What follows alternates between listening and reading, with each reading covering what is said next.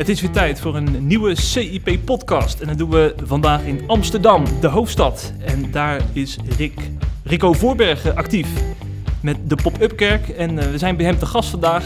En met hem bespreken we deze onderwerpen. Protestantse kerk erkent schuld voor falen in Tweede Wereldoorlog. Moet de gereformeerde kerk vrijgemaakte excuses aanbieden aan alle vrouwen? 100.000 handtekeningen tegen beledigen van profeet, profeet Mohammed. Rico Voorberg deelt zijn visie. En met hem blikken we ook terug op zijn reis naar Lesbos.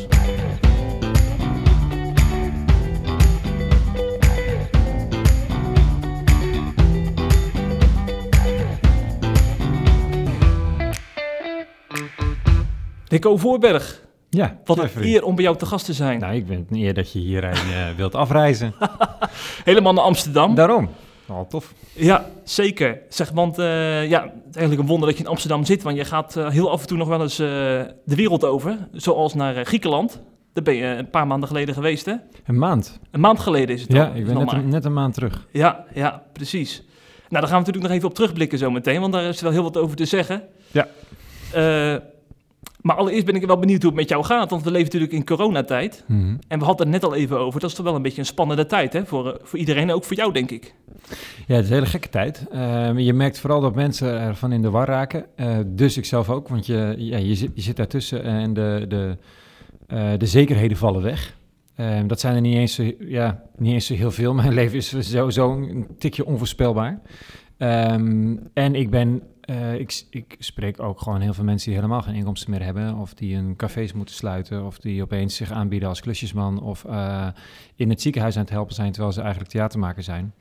Eh, en daar heb ik grenzeloze bewondering voor. Hm. Mensen die zo kunnen schakelen. Ehm, maar ja, het, het zijn grote, grote vragen. Corona is niet, nu, niet het enige klimaatvraagstuk eh, die, ons, eh, die ons bezighoudt. Eh, de grote vragen van, van, van vluchtelingen aan onze grenzen. Ik bedoel, al die enorme thema's, die Ja. vragen ergens om richting.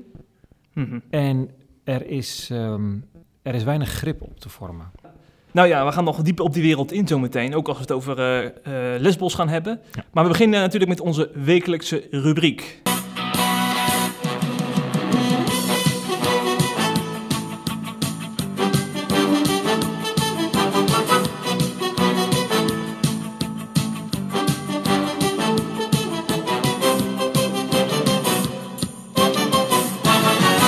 En dat is natuurlijk de ergernis van de week. Heb jij nog ergens druk over gemaakt, Rico, eh, in het nieuws? Ja, vanochtend, ja. Oké. Ehm, en ik, eh, ik op, eh, af en toe dan scroll ik even door wat nieuws terwijl ik het ontbijt van de kinderen aan het maken ben. Dat moet je gewoon niet doen, maar het gebeurt toch. En dit nieuwsbericht, vader van jongetje van nou, zes was die geloof ik, aangeklaagd wegens ehm, verwaarlozing of het in gevaar brengen van zijn kind. Dat was een eh, Afghaanse vader die net was overgestoken eh, van Turkije naar Samos, een van de Griekse eilanden, en wiens kind onderweg verdronken is. Oh. Eh, en dat gebeurt natuurlijk nog regelmatig. We waren toen met z'n allen helemaal kapot toen het jongetje aanspoelde op het strand. Eh, en de hele wereld kwam in beweging. Dat gebeurt nog steeds de hele tijd. Nu is er weer een, een jongetje gestorven, eh, overboord geslagen ehm, en, eh, en overleden. En nu wordt die rouwende vader uit een vluchtelingenkamp getrokken, Mhm. in een cel gezet en aangeklaagd voor het in, gevaar, het in levensgevaar brengen van zijn kind. En ik, ehm, ik kan me bijna niet voorstellen als vader hoe ongelooflijk eh, verschrikkelijk dat moet zijn. Dat je één, je kind hebt verloren Mhm. in de zee. En vervolgens door een staat wordt ook nog wordt aangeklaagd die überhaupt al geen enkele van je mensenrechten zitten waarborgen. En die ook nog zeg maar, in zo'n pijnlijke situatie je, je voor de rechter gaat slepen. Ik ehm, kan er slecht over uit. Ja, ja. En jouw ergernis gaat dan specifiek over hoe men op deze vader reageert in deze Ja, de schijnende Griekse- situatie. De Griekse overheid Ja, is hier ja. echt gewoon nou ja, eh, op, op, op een duivelse manier eh, aan, de, eh,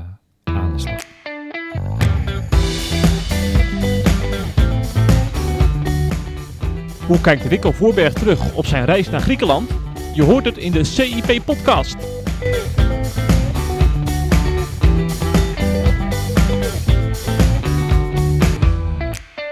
Ja. Nou, deze ergernis uh, sluit perfect aan bij ons hoofditem. Daar gaan we het uh, nu maar gelijk over hebben dan. Uh, want dat is natuurlijk de situatie in Griekenland. Ja. jij weet daar heel veel van. Je bent er dus een maand geleden geweest. En hulporganisatie Oxfam heeft onlangs nog gewaarschuwd. Want we kennen allemaal nog de schijnende beelden van kamp Moria, dat toen is afgebrand. Hè? Ja. En vluchtelingen toen naar een alternatief kamp werden overgeplaatst. Mhm. Maar dan lezen we steeds meer berichten dat het daar helemaal niet verbeterd is. Sterker nog, het schijnt er zelfs nog erger te zijn in Kamp Moria. Ja. En uh, we laten even een fragmentje horen uit een E Vandaag interview met Daphne Westdorp. Zij was in, onlangs in Lesbos om ook daar vluchtelingen op te zoeken, net als jij hebt gedaan. En zij deelt een, een, hele schijnende anekdote daarover. En um, op een gegeven moment um, kwam er een man binnen en die wilde ontzettend graag zijn verhaal in me kwijt. En die nam me mee naar zijn tent. Um, ja, dat was verschrikkelijk. Je zag gewoon, het is gewoon een stroom water die, die langs de voordeur van zijn tent gaat.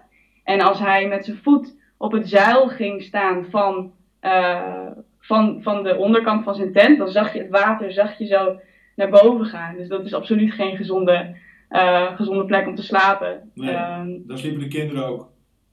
Ja, ja, hij heeft zes kinderen heeft hij. Um, en een paar van zijn kinderen die, die zijn, die hebben al chronische verkoudheid, chronische bronchitis.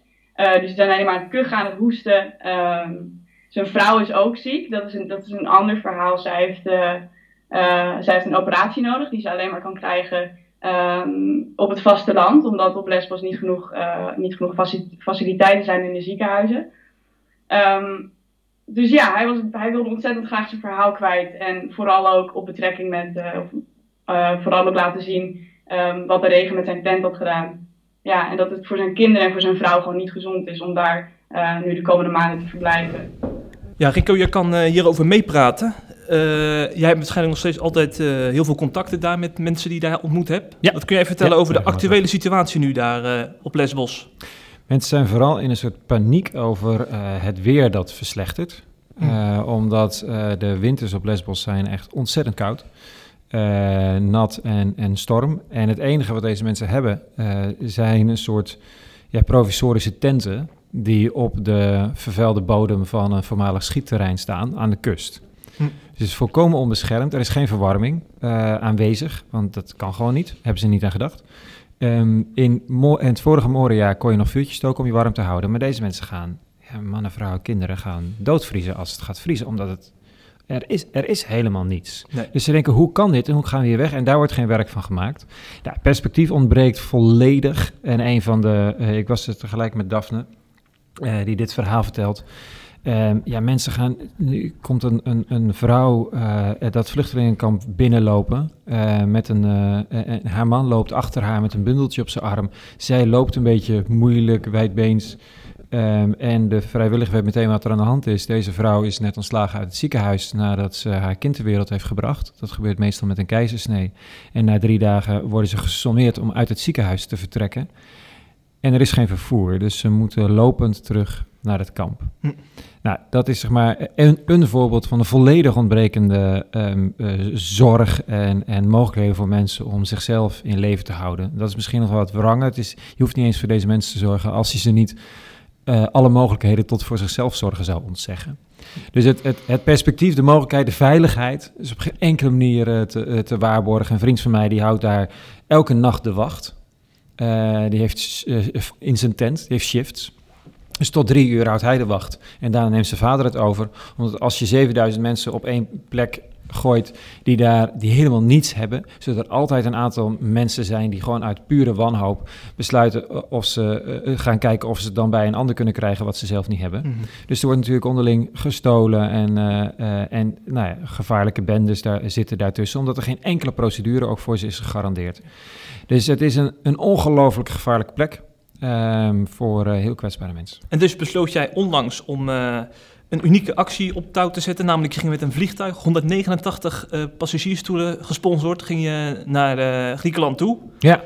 Uh, kun je nog eens vertellen over het doel van die reis? Want ik ben dan ook echt benieuwd, ging je er nou echt van uit dat je in dat vliegtuig die vluchtelingen ook mee kon nemen terug naar, naar Nederland? Nee, dat stond ook natuurlijk overal in onze campagne. Uh, allereerst. Um, uh, op onze website, uh, overal in al onze media-uitingen. Van de kans dat wij mensen mee gaan terugkrijgen is nul. Ja. Of nihil, of heel klein. Dus je deed het eigenlijk om, aandacht voor deze situatie te, te creëren? om heel duidelijk te maken wat er moet gebeuren en wat, de, wat deze Nederlandse burgers heel graag willen. Kijk, het ging al vier weken na de brand over noodhulp. Er werden slaapzakken gedoneerd, er werd gepraat over hoe kunnen we die mensen een klein beetje um, onderdak geven. Menselijke waardigheid is al een veel te groot woord uh, voor, wat ze, voor wat ze gingen geven. Terwijl die mensen allemaal zeiden, we moeten hier weg, hier is geen perspectief voor ons. En die stem werd niet gehoord. En toen zeiden we, oké, dan gaan we die stem gaan wij versterken door alvast aan onze overheid, aan de, aan de, aan de politiek en aan de medeburgers, medeburgers duidelijk te maken wat er moet gebeuren. Er moet als een malle een luchtbrug gecreëerd worden. En wij kunnen misschien die hele luchtbrug niet realiseren, hmm. maar we kunnen er wel aan beginnen.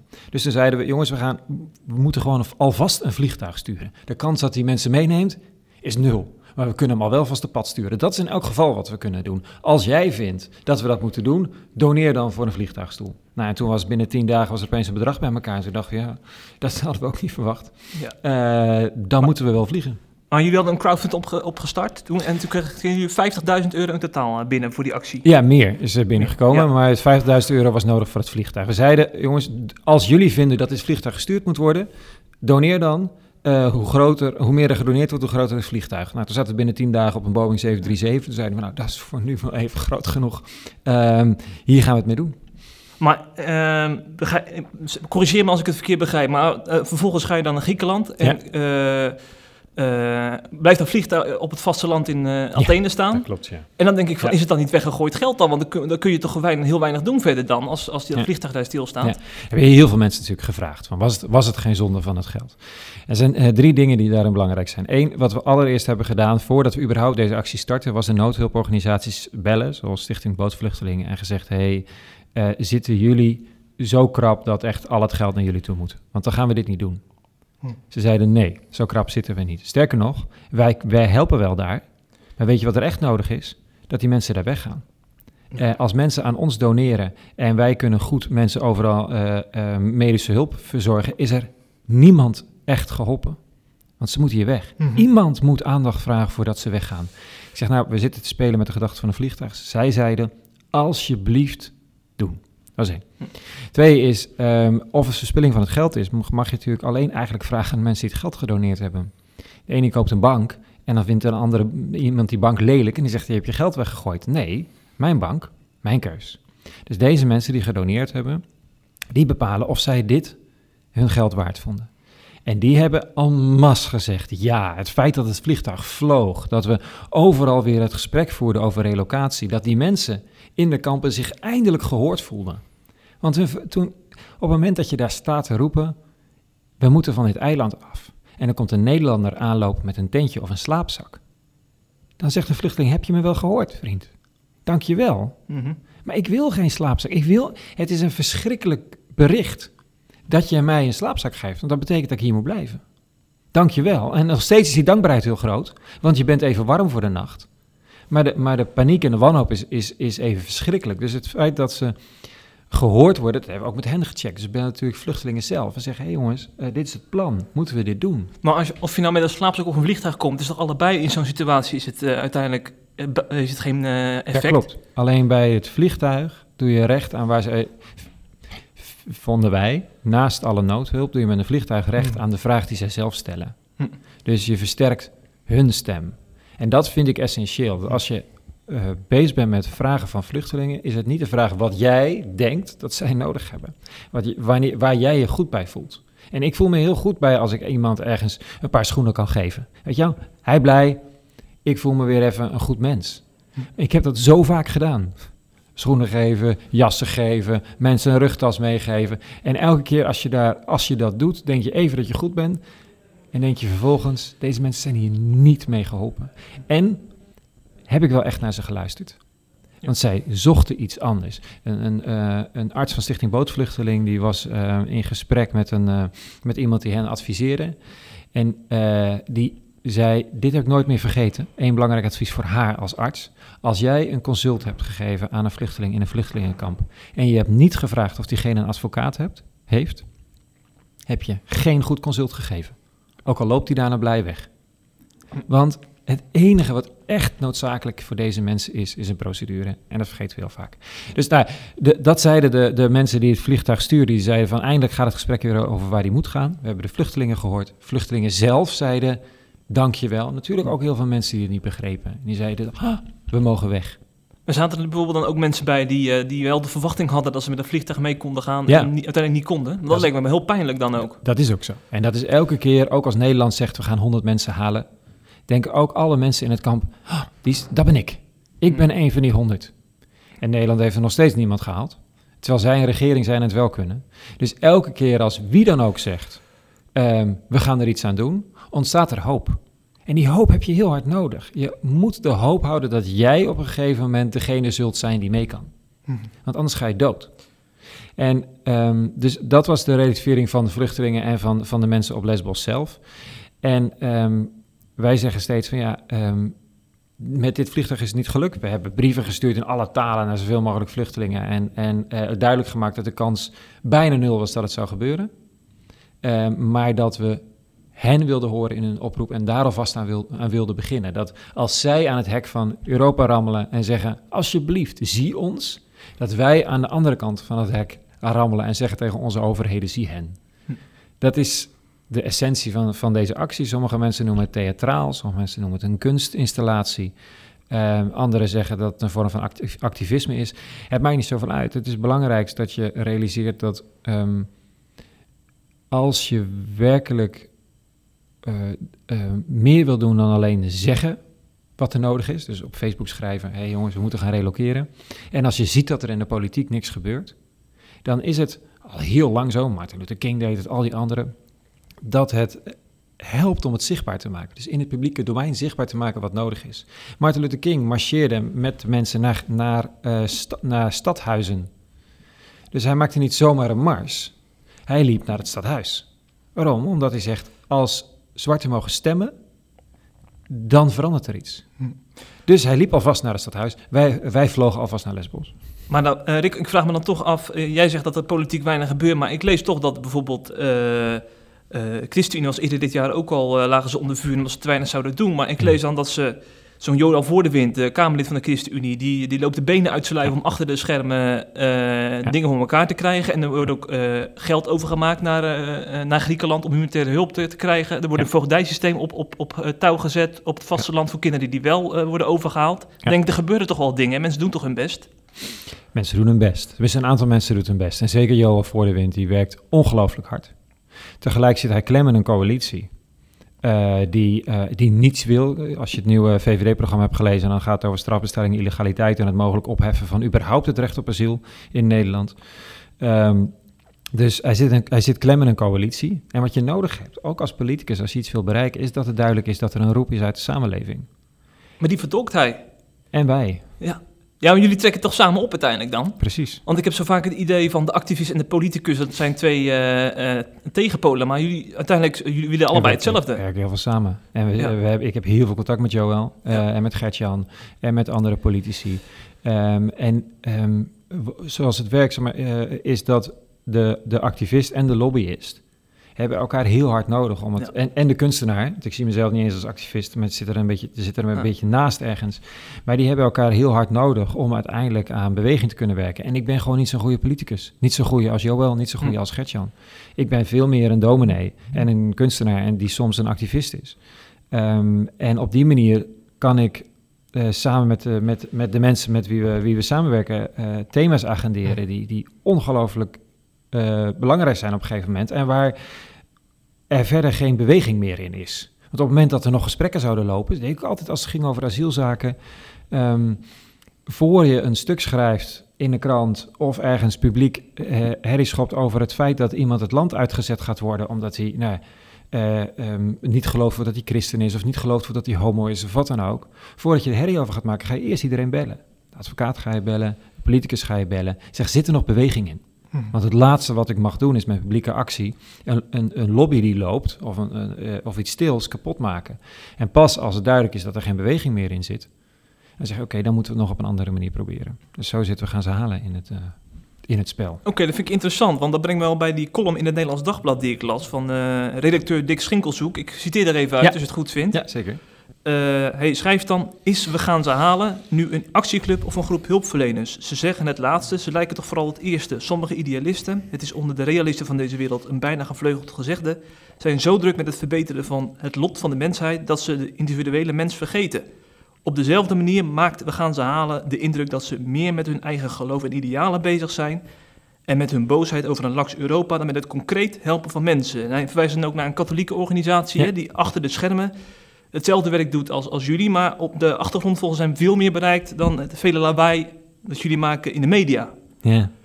Ja, het is gewoon zonde dat Dick uh, hier zich, zich bezondigt aan wat, hij, aan wat hij zelf ons verwijt. Zeg maar. Hij, hij, maakt hier een hoop lawaai zonder zich te informeren. Wij hebben al jaren heel goed contact met die katholieke organisatie. Hm. Uh, dat is inderdaad geprobeerd om hier diplomatiek iets te realiseren. Maar vier jaar geleden is dat stuk gelopen. Omdat wat in Italië en in België wel kon, in Nederland niet lukte. Um, er is meteen hierop een schrijven gevolgd van uh, de Raad van Kerken, die samen met deze katholieke organisatie werkt. Die zegt: Wij hebben als lobbyisten achter de schermen heel hard um, publiek activisme nodig voor de schermen. En wat hij natuurlijk zegt, is dat wij een groep hulpverleners zouden zijn. En we hebben altijd gezegd dat wij hier statements maken, actie voeren om politieke verandering te creëren. Dat is jullie roeping, zeg je. Dat is ons werk. Ja. Uh, en de hulpverleners smeken erom dat er iets politiek verandert. Omdat zij het anders tot een lengte van dagen een soort nou, halfbakken hulp verlenen. Omdat ze niet kunnen doen wat eigenlijk zou moeten. En omdat die mensen natuurlijk daar weg moeten. Hm, hm. Dus het, zeg maar het, uh, de kritiek dat jullie uh, vooral roepen en meer achter de schermen meer zouden kunnen bereiken, die deel je niet? Nee. Nee, omdat er uh, ene zijn allerlei organisaties achter de schermen bezig die dat veel beter kunnen dan wij. Zo Amnesty, als al die andere clubs. Uh, daar hebben wij veel contact mee. En op het moment dat zij zeggen, wij zien ook geen mogelijkheden meer, uh, dan zeggen wij van, nou ja, uh, wij overwegen dit of dat. Denk je dat dat een goed idee is? En dan zeggen ze, ja, wij kunnen dat niet doen, want dat is veel te spannend. Dan verliezen we sponsors, of dan verliezen we ons bestuur, of dan zoiets. Maar jullie zijn vrij genoeg om het wel te kunnen doen. En als jullie dan het thema weer op de kaart zetten, kunnen wij vervolgens weer opnieuw met onze politici in gesprek en zeggen: hé, hey, kijk eens, al die burgers, die willen dit heel graag. Kijk eens hoe, hoe ongelooflijk veel geld zij doneren om überhaupt voor dit statement. Denk, denk je niet dat er dan draagvlak is voor de opvang van meer vluchtelingen? Dus die heeft altijd met elkaar te maken. Ja, ja, ja. Ja. Toch, als ik dan uh, in het land een beetje spreek over uh, uh, we gaan ze halen, dan merk ik toch dat mensen ook opmerkingen maken als de, dat jullie je geloofwaardigheid dreigen te verliezen. Hè? Want bijvoorbeeld die, die actie met, met die bus, die standen mhm. dan in Duitsland volgens mij al eerder. Ja. En nou, dit vliegtuig uiteindelijk, ja, je zegt al, je ging eruit van, van nul vluchtelingen, maar ja. in, in, de, in, in de media was dan een beeld van, er is weer een actie mislukt van Rico Voorberg. Dat lijkt me toch ook wel pijnlijk dan, als mensen er zo over praten? Nou, ergens is het natuurlijk een beetje ingewikkeld, omdat je denkt van, uh, wat lastig is dat, dat mensen niet zich zo goed informeren. Ik moet echt een uur met Dick Schinkelshoek praten voordat hij een beetje gevoel ja. krijgt bij wat we wel proberen te bereiken. Omdat hij gewoon zegt, je doet pas iets geloofwaardigs als je ook werkelijk uiteindelijk in een Excel-lijstje kunt uh, noteren, zoveel mensen hebben wij gehaald. Hm. En dat is natuurlijk niet zo. Um, soms moet er gewoon iets op de kaart staan. Soms moet er weer opnieuw een gesprek gevoerd worden over, over een bepaalde moraal. Werkt je kerk pas als er weer tien zieltjes zijn toegevoegd aan je kerk? Of is het bestaan van de kerk als zodanig al een teken aan de wand in de wereld? Dat er plekken zijn waar gepreekt wordt. Ook al komen er niet hordes mensen toestromen. Dus um, het bestaan van mensen die zeggen: wij hebben jullie wel gehoord en ja, het moet gaan over relocatie en dat is wat we willen. Ja, maar dat dat thema er überhaupt is, dat is al ontzettend relevant. Mensen rekenen ons af op het feit dat we geen mensen gehaald hebben, maar je kunt ons niet afrekenen op iets wat we niet beloofd hebben. Uh, we hebben beloofd om uh, aan de stem gehoor te geven van de mensen daar, om een vliegtuig op pad te sturen, om het onontkoombaar te maken, uh, zichtbaar te maken wat nodig is. Ja, dat hebben we toen met die bus gedaan. En dat hebben we nu gedaan, dat zullen we gewoon blijven doen. Ik, maar ik denk dan toch, uh, vaak wat, wat uh, het verwijt aan populistische partijen vaak is, hè, is dat ze vaak uh, te simpel denken in oplossingen. Ja. Hè, alsof de, bijvoorbeeld de grenzen dicht, alsof dat realistisch zou zijn. Ja. Maar is, doen jullie niet eigenlijk aan de andere kant precies hetzelfde door heel simpel te stellen van je moet gewoon die vluchtelingen halen en waardoor je dus voorbij gaat aan de complexe realiteit van het hele vraagstuk. Want dat, dat, dat speelt natuurlijk ook een rol bij, bij de kritiek die jullie krijgen. Dat jullie daar te simpel over denken. Ja, hebben we ons, hebben we ons natuurlijk afgevraagd. En er zijn mensen die er te simpel over denken. Die zeggen, gooi je grenzen open, het, komt het komt wel goed. Uh, trouwens, er zijn een heel aantal wetenschappers die het onderzocht hebben en zeggen dat zou nog wel eens een hele goede oplossing kunnen zijn.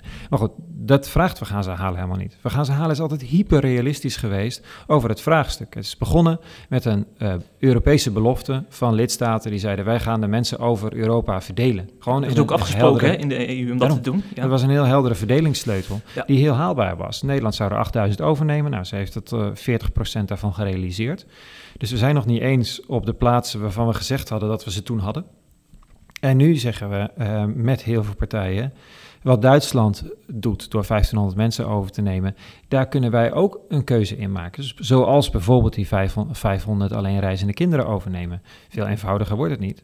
Um, of dus, um, uh, zoals wij zeiden, van nou, we maken een begin met relocatie. Begin gewoon die, die, die beweging te maken. Want als jij er als Nederland 500 doet of 1000, dan komt Duitsland, volgt dat wel weer op met 2000. Want Duitsland gaat het niet doen als zij de enige zijn in Europa. Dus dan creëer je een vliegwiel de andere kant op. Ja. Waar Hongarije een vliegwiel creëerde door te zeggen wij doen niks. En vervolgens de rest van Europa zei ja, ja, ja, dan gaan wij ook minderen. Moet er ook weer een vliegwiel de andere kant op gegenereerd worden. Dus um, Natuurlijk zijn onze media-uitingen geen grote rapporten over wat er allemaal mogelijk is. En um, uh, onze media-uitingen zijn heel helder. Dit is het draagvlak van de burgers. Maar daarachter zit een hele heldere werkelijkheid, die gewoon goed becijferd is door, uh, door mensen die hier verstand van, uh, verstand van hebben en door afspraken op Europees niveau. Nou, we gaan de komende jaren vast nog meer van we gaan zalen horen dan als ik jou zo beluister. Helaas is dat mogelijk, ja. mogelijk noodzakelijk.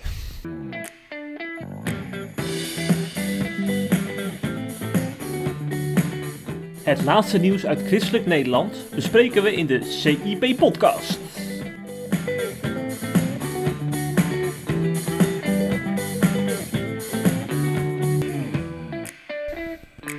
We gaan nog wat korte nieuwsjes bespreken, Rico, want ja. uh, er speelt natuurlijk veel meer. Uh, aanstaande zondag dan uh, wordt er een schuldbeleidnis voorgelezen in tientallen kerken vanwege nalatigheid in de Tweede Wereldoorlog. De PKN heeft dat afgelopen zondag al gedaan. Ja.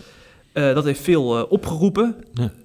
Uh, laten we allereerst eens naar die schuldbeleiding zelf gaan. Vind jij, dat, vind jij dat überhaupt nodig? Dat ehm, wij, deze generatie, die dus niet schuldig is aan, aan het, na, aan het wegkijken destijds, dat die alsnog wel plaatsvervangend schuldbeleid, 75 jaar later. Ja, nodig is een beetje een ingewikkelde in, in, in schuldbeleid, zeker over de generaties heen. De vraag is of het belangrijk is. Of het nut heeft, of het zin heeft en, en, en waarom je het zou doen. En um, wat is de zin van de hand in eigen boezem steken? Want dat is het eigenlijk. Is dat je onderzoekt of de structuren die toen aanwezig waren, mm -hmm. of je daar eigenlijk nog onderdeel van bent. Of dat je een streep zet onder het verleden. Daar is schuldbeleidnis voor bedoeld. Ik, ben, ik heb gezien dat dat niet klopte. Ik ben dat niet meer en wil dat niet meer zijn. Dat is de functie van schuldbeleiden. Um, uh, en het herstellen van moraal. Dat is ook een functie van schoolbeleiden. Dat je weer weet wat goed en kwaad is. Mm -hmm. uh, dus dat je dus niet zegt, ja, dat deden we wel, maar het was niet zo erg, want het was begrijpelijk in die tijd. Nee, dat je zegt, uh, het was misschien begrijpelijk in die tijd, want antisemitisme was enorm, maar het was niet goed. En dat gaan we uiten naar de, naar de mensen die er toen slachtoffer van zijn geweest. Of in ieder geval de nazaten, want de mensen zelf leven niet meer. Ja. Dus het heeft een aantal functies die volgens mij kunnen werken. Tegelijk is het natuurlijk een hele kwetsbare, zoals schuldbeleidnis is, uh, een hele kwetsbare vorm. Want kunnen altijd mensen zich geen recht gedaan voelen. Er waren mensen die in het verzet zaten in die kerk. Nou, dat klonk ook in trouw, zo'n geluid. Er waren dan... Uh, uh, uh, zonen en dochters van, van verzetstrijders. Die voelden als een klap in het gezicht, omdat er geen woorden werden gegeven aan die verzetsdaden die uh, ouders hebben, hebben gedaan in die tijd. Ze voelden zich een beetje aan de kant gezet door deze schoolbeleidenis. Alsof, alsof wij allemaal fout waren. Zo kwam het een beetje op hun over. Ja, en ik, ik snap heel goed dat je zegt van... hé, hey, maar hallo, dat waren wij niet. Maar als je dan scherp leest... en dat is natuurlijk altijd ingewikkeld met dit soort ja. dingen... dat gaat een eigen leven leiden wordt er, heel, wordt er gepraat vanuit het instituut. Uh, dat instituut is een niet bestaande categorie. Het is een soort, ik bedoel, wat, wat is het instituut? Wie waren het instituut? Wie vormden dan het instituut? Het is niet concreet, zeg jij. Nou ja, um, blijkbaar identificeren deze nazaten van verzetstrijders zich zo met het instituut... Ja. Uh, dat zij zeggen, je hebt blijkbaar namens ons schuldbeleidnis gedaan. Terwijl in de verklaring heel duidelijk wordt gezegd... Uh, dat er juist binnen die kerken en binnen de samenleving heel veel mensen waren die zich hebben verzet. Ik denk dat ze daar meer aandacht aan hadden kunnen besteden. Maar dan heb je het probleem Dat je zegt, we hebben wel spijt, maar we hebben ook heel veel goede dingen gedaan. En dat is geen schuldbeleid. Nee, nee, nee. Zo van, ik heb je dan wel geslagen, maar ik was ook een hele lieve man voor je, toch? Hm, hm. Dat Dat gaat niet op. Dat Nee. gaat niet. Dus ja, die kritiek is, eh, is, is begrijpelijk. Eh, maar ik, er zit ook veel zuiverheid in de formulering. Heb je het idee dat, eh, dat we geleerd hebben van eh 75 jaar geleden? Als je kijkt hoe we nu eh, tegen, tegen Absoluut. Joden aankijken bijvoorbeeld. Absoluut. Er is, er is eh, een hele scherpe veroordeling van antisemitisme. Eh, en dat is denk ik, en dat is terecht. Ehm, soms, maar dat weet ik niet of ik dat moet zeggen. Ehm, kijk, er is ook een scherpe veroordeling van antisemitisme door anderen. Dus op het moment dat er een, ehm, hier een, een restaurant wordt, eh, Ja. eh, wordt aangevallen, omdat een Palestijn het niet zo op heeft met de Zionistische staat, Mhm. of met, met, met, met Israël, dan zit iedereen als een bok op de havenkist om te zeggen, dit is antisemitisme. En ik denk dat dat deels waar is, deels ook niet. En tegelijk dat het een leren van het verleden is. Heel scherp zijn op het opnieuw, ehm, eh, zeg je, het demoniseren van een, van een minderheid. Tegelijk vraag je ook af, hebben we het alleen geleerd ten opzichte van de Joden?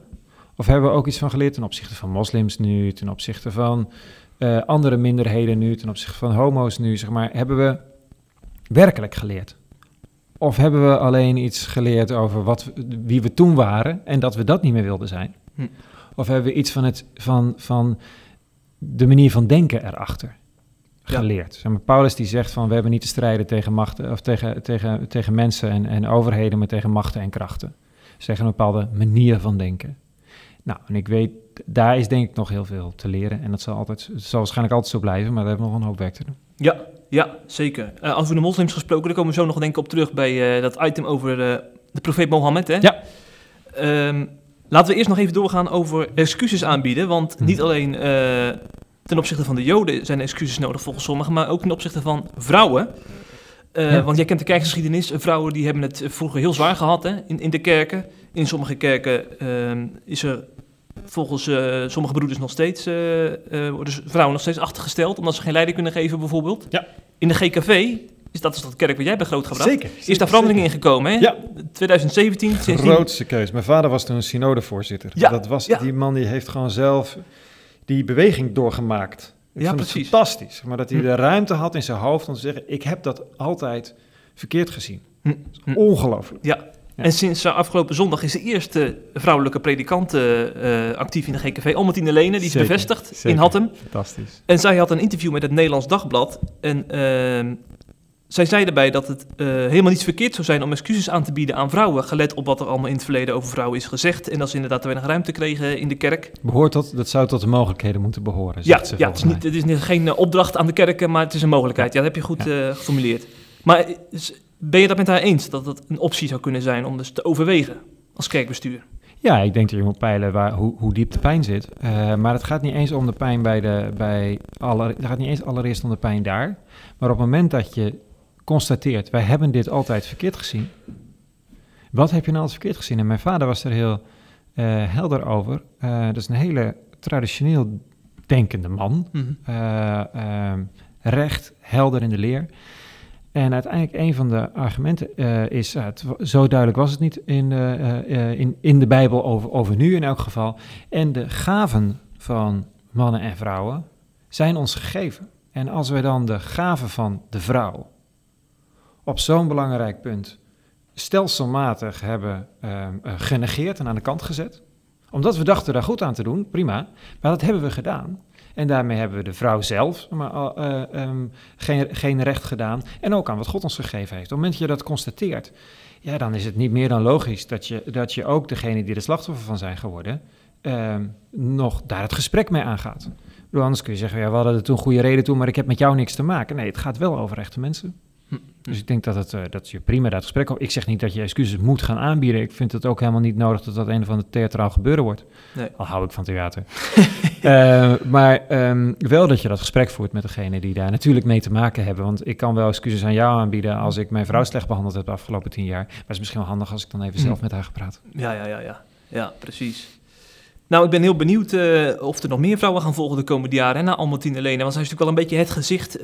maar ehm, ondanks dat het al sinds 2017 mogelijk is om dominee te worden als vrouw in de GKV, zijn nog steeds de enige. Ja, Dus ik denk dat er vast van alles gaat volgen, maar het Ja. is eh, dat ja, de veranderingen gaan langzaam. Maar dat is ook de kracht van de kerk, waardoor ze heel veel bewaart. Maar dat kan ook soms de zwakte zijn.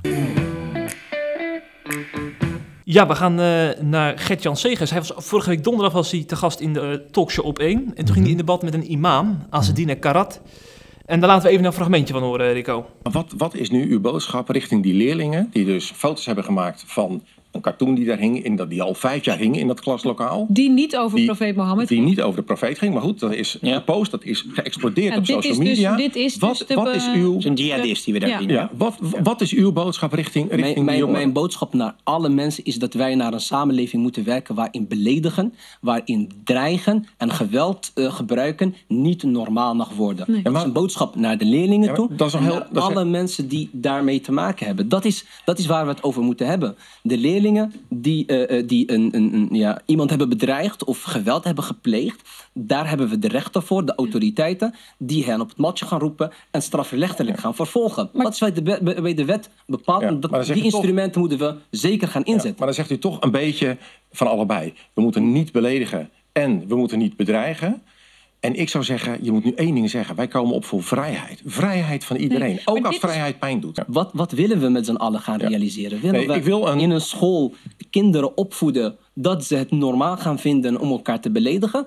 Ik ben het niet mee eens en dat is niet iets wat ik mijn kinderen wil meegeven. Ik zou heel graag willen dat wij respectvol met elkaar omgaan. Ik heb geen enkele Mooi. aandrang om mensen te gaan beledigen... om iemand op zijn hart te trappen vanwege zijn geloofsovertuiging. Nou, wat is het voordeel van het tonen van zo'n spotpunt? maar wat ik, wat, ik, wat ik graag wil dat mijn kinderen leren... is dat zij een eeltlaagje rond hun ziel krijgen... en dat ze weten, ik betreed een open samenleving... waarin jij gelooft, waarin jij dat van de daken mag schreeuwen... waar jij daar heel open over, eh, over mag zijn... maar waar ook mensen op staan en zeggen... dat wat jij gelooft vind ik absurd, vind ik belachelijk. Weet je wat? Ik ga het zelfs nog belachelijk maken ook. Dan wil ik dat zij overeind blijven staan... dat ze hun geloof behouden, dat ze dapper blijven... maar ook de vrijheid van degene die hen heel diep kwetst... ook verdedigen. Ja. Ja, dat zijn een beetje twee kampen, Rico, Ja. die ik afgelopen week ook in de media heb teruggezien. Hè. De, de een eh, legt er erg veel nadruk op de vrijheid om te kunnen beledigen. En de Mhm. ander die vindt eh, dat wij onze vrijheid van meningsuiting, eh, dat we daarin een beetje te ver gaan. En dat het nodig is om wat meer grenzen te stellen. Omdat, ja, Ja. beledigd eh, voelen, dat is natuurlijk ook... eh, dat zou niet moeten horen in een land als Nederland, hoor je dan terug. Ja. Ehm, bij welk kamp hoor jij? Probeer er altijd een beetje vrolijk tussendoor te fietsen. Eh, en vooral de verschillende elementen van de discussie even uiteen te leggen. Allereerst is natuurlijk de vraag, moet er hier een wet voor in het leven geroepen worden? Eh, voor het beledigen bijvoorbeeld van de profeet Mohammed. Ja, er is een petitie, hè? Die, die- Ja. daarvoor honderdduizend mensen hebben die ondertekend. Het strafbaar stellen van beledigen van Mohammed. Ja, en dat is wel bijzonder, want we hebben gewoon een wetsartikel tegen beledigen. Ja, groepsbelediging. eh, Daar is volgens mij Wilders nog voor veroordeeld eh, eerder dit jaar. Daarom, dat is onze verbod op discriminatie, maar ook op belediging. Ja. Eh, we mogen een staatshoofd niet beledigen, we mogen een bevriend staatshoofd niet beledigen. Er staan 1 tot 2 jaar cel kan erop te staan als je in het groepsverband of stelselmatig doet, zelfs nog meer. Dus ehm, er bestaan allerlei wetsprincipes die gaan over het, over het beledigen. Ehm, dus het is niet zo dat automatisch vrijheid van meningsuiting geldt als het gaat over beledigen. Dus ik snap Segers daarin niet helemaal. Eh, dat hij zegt, je moet de profeet altijd kunnen beledigen, terwijl je de koning niet mag beledigen. Eh, en de politie mag je helemaal niet beledigen. Dus ik ben even benieuwd of ook voor hem geldt dat ehm, de profeet van miljoenen er maar minder belangrijk is dan de koning of de politie of wie dan ook, zeg maar. Eh, we hebben allerlei rechtsregels voor beledigen. Dus volgens mij moet je oppassen dat je niet zomaar zegt... eh, bij belediging geldt altijd de vrijheid van meningsuiting. Hm. Dus dat vind ik belangrijk. Twee is er is ook nog zoiets als kunst... eh, waarbij ehm, een thema aangesneden wordt... zoals zeg maar in die cartoons... waarin duidelijk wordt gemaakt dat, eh, dat in naam van de islam aanslagen worden gepleegd. Zoals Mohammed met, zijn, eh, met die tulband met die bom erin. Mhm. Daar worden ze, werden ze in de islamitische wereld, we- we- men daar furieus over. Terwijl ik me afvraag of het gesprek wel is gevoerd. Want als je ziet hoe, ehm, eh, en of dus ook de mensen die deze cartoons brengen, ehm, of we dat, want dat, dat, dat gesprek bestaat namelijk prima over eh, eh, geweld in naam van de islam. Er zijn ongelooflijk veel protesten, fatwa's, allerlei veroordelingen vanuit de islamitische wereld tegen terrorisme. Mhm. Dus zij willen ook niet dat er in hun naam geweld wordt gepleegd.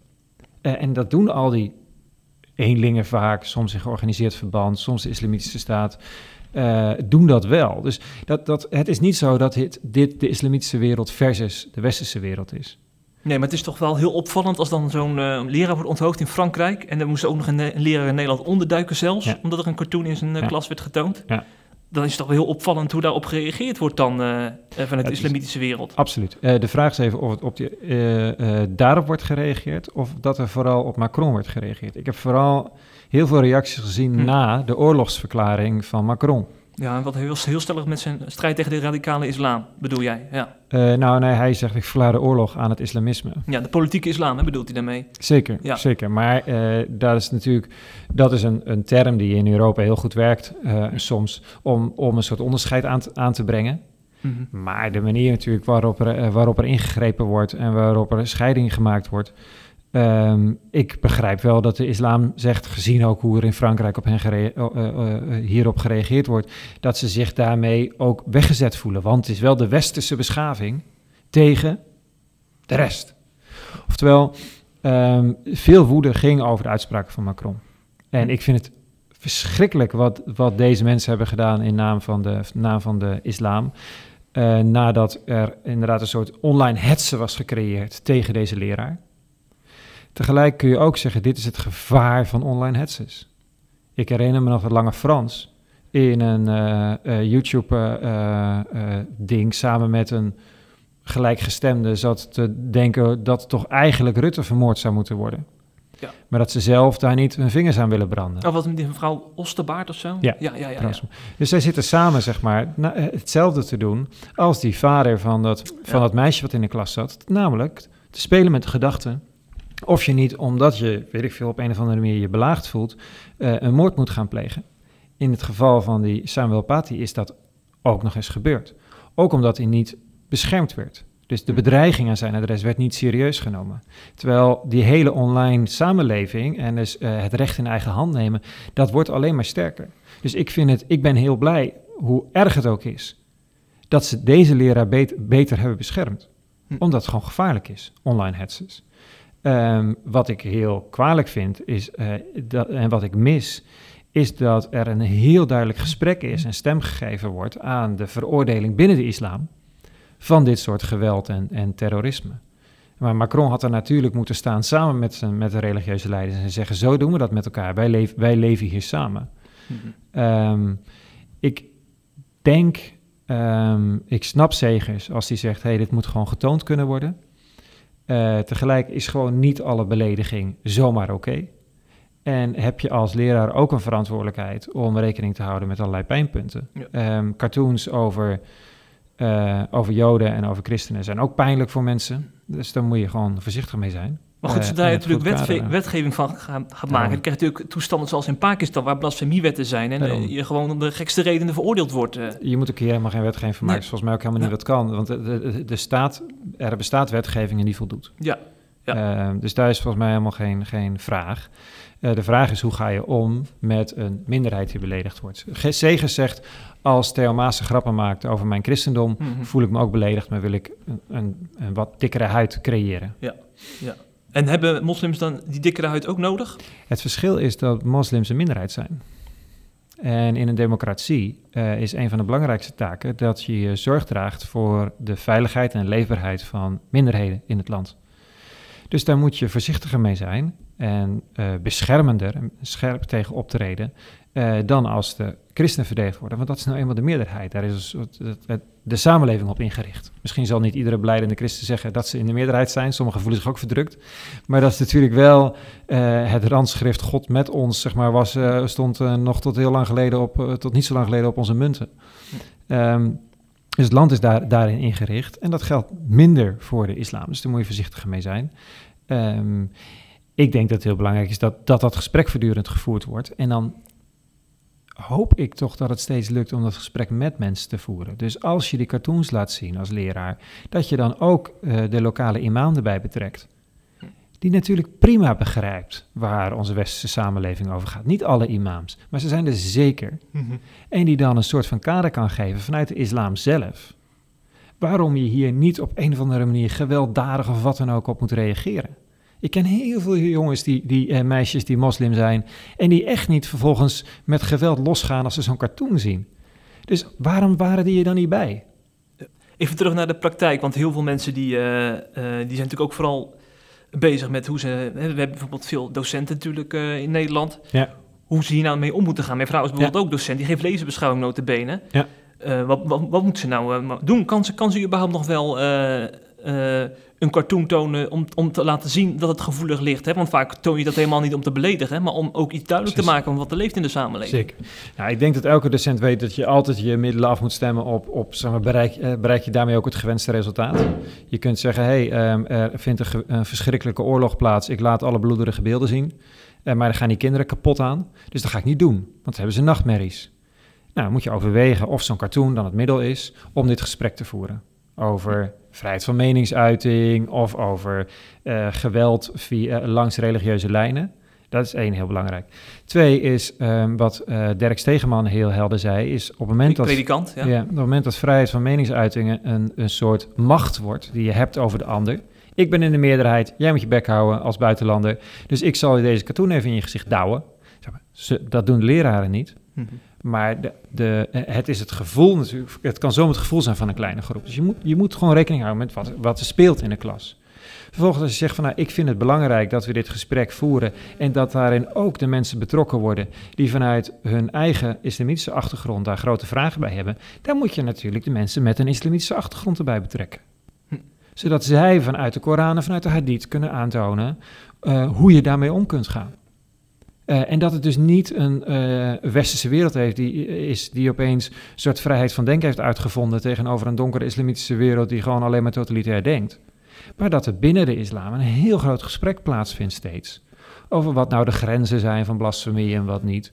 Ehm, dus ik zou zeggen, betrek de mensen over wie het gaat, alsjeblieft in je gesprek. Van mij is dat een heel normale manier van doen. En dan kan het zijn dat je een cartoon kunt laten zien. Het kan ook zijn dat je net als bij hele erge oorlogsfilms zegt, nou, misschien laat ik het even niet zien. Hm, hm. Maatwerk dus, hoor ik jou eh, zeggen. Ja, zoals elke leraar dat Ja. prima kan. Ja, precies. Ja, en Rico, eh, we hebben weer eh, heel wat nieuwtjes besproken deze mooie middag. Dus ik wil je bedanken voor je, voor je tijd. Graag gedaan. Succes Dank met je voor dit gesprek. Ja, zeker. Succes met al je bezigheden. En we gaan je vast nog wel eens eh, zien in de media als er eh, weer eens een crisis is in de wereld. Sta je er weer vooraan, hoop ik, hè? Eh, niet alleen, hoop ik. Niet Ja, alleen dan. niet alleen dan. En lang niet bij elke crisis. Het gaat uiteindelijk is mijn werk gewoon dominee zijn voor een kleine groep mensen. Van kunstenaars en makers die op geen an- andere manier bij de kerk zouden aansluiten. En daar horen soms dit soort initiatieven bij. Ja, ja, heel goed. Ik zou zeggen, ga ermee door. En tegen de luisteraars zeg ik tot de volgende keer met weer een eh, andere gast in een nieuwe podcast. Tot dan.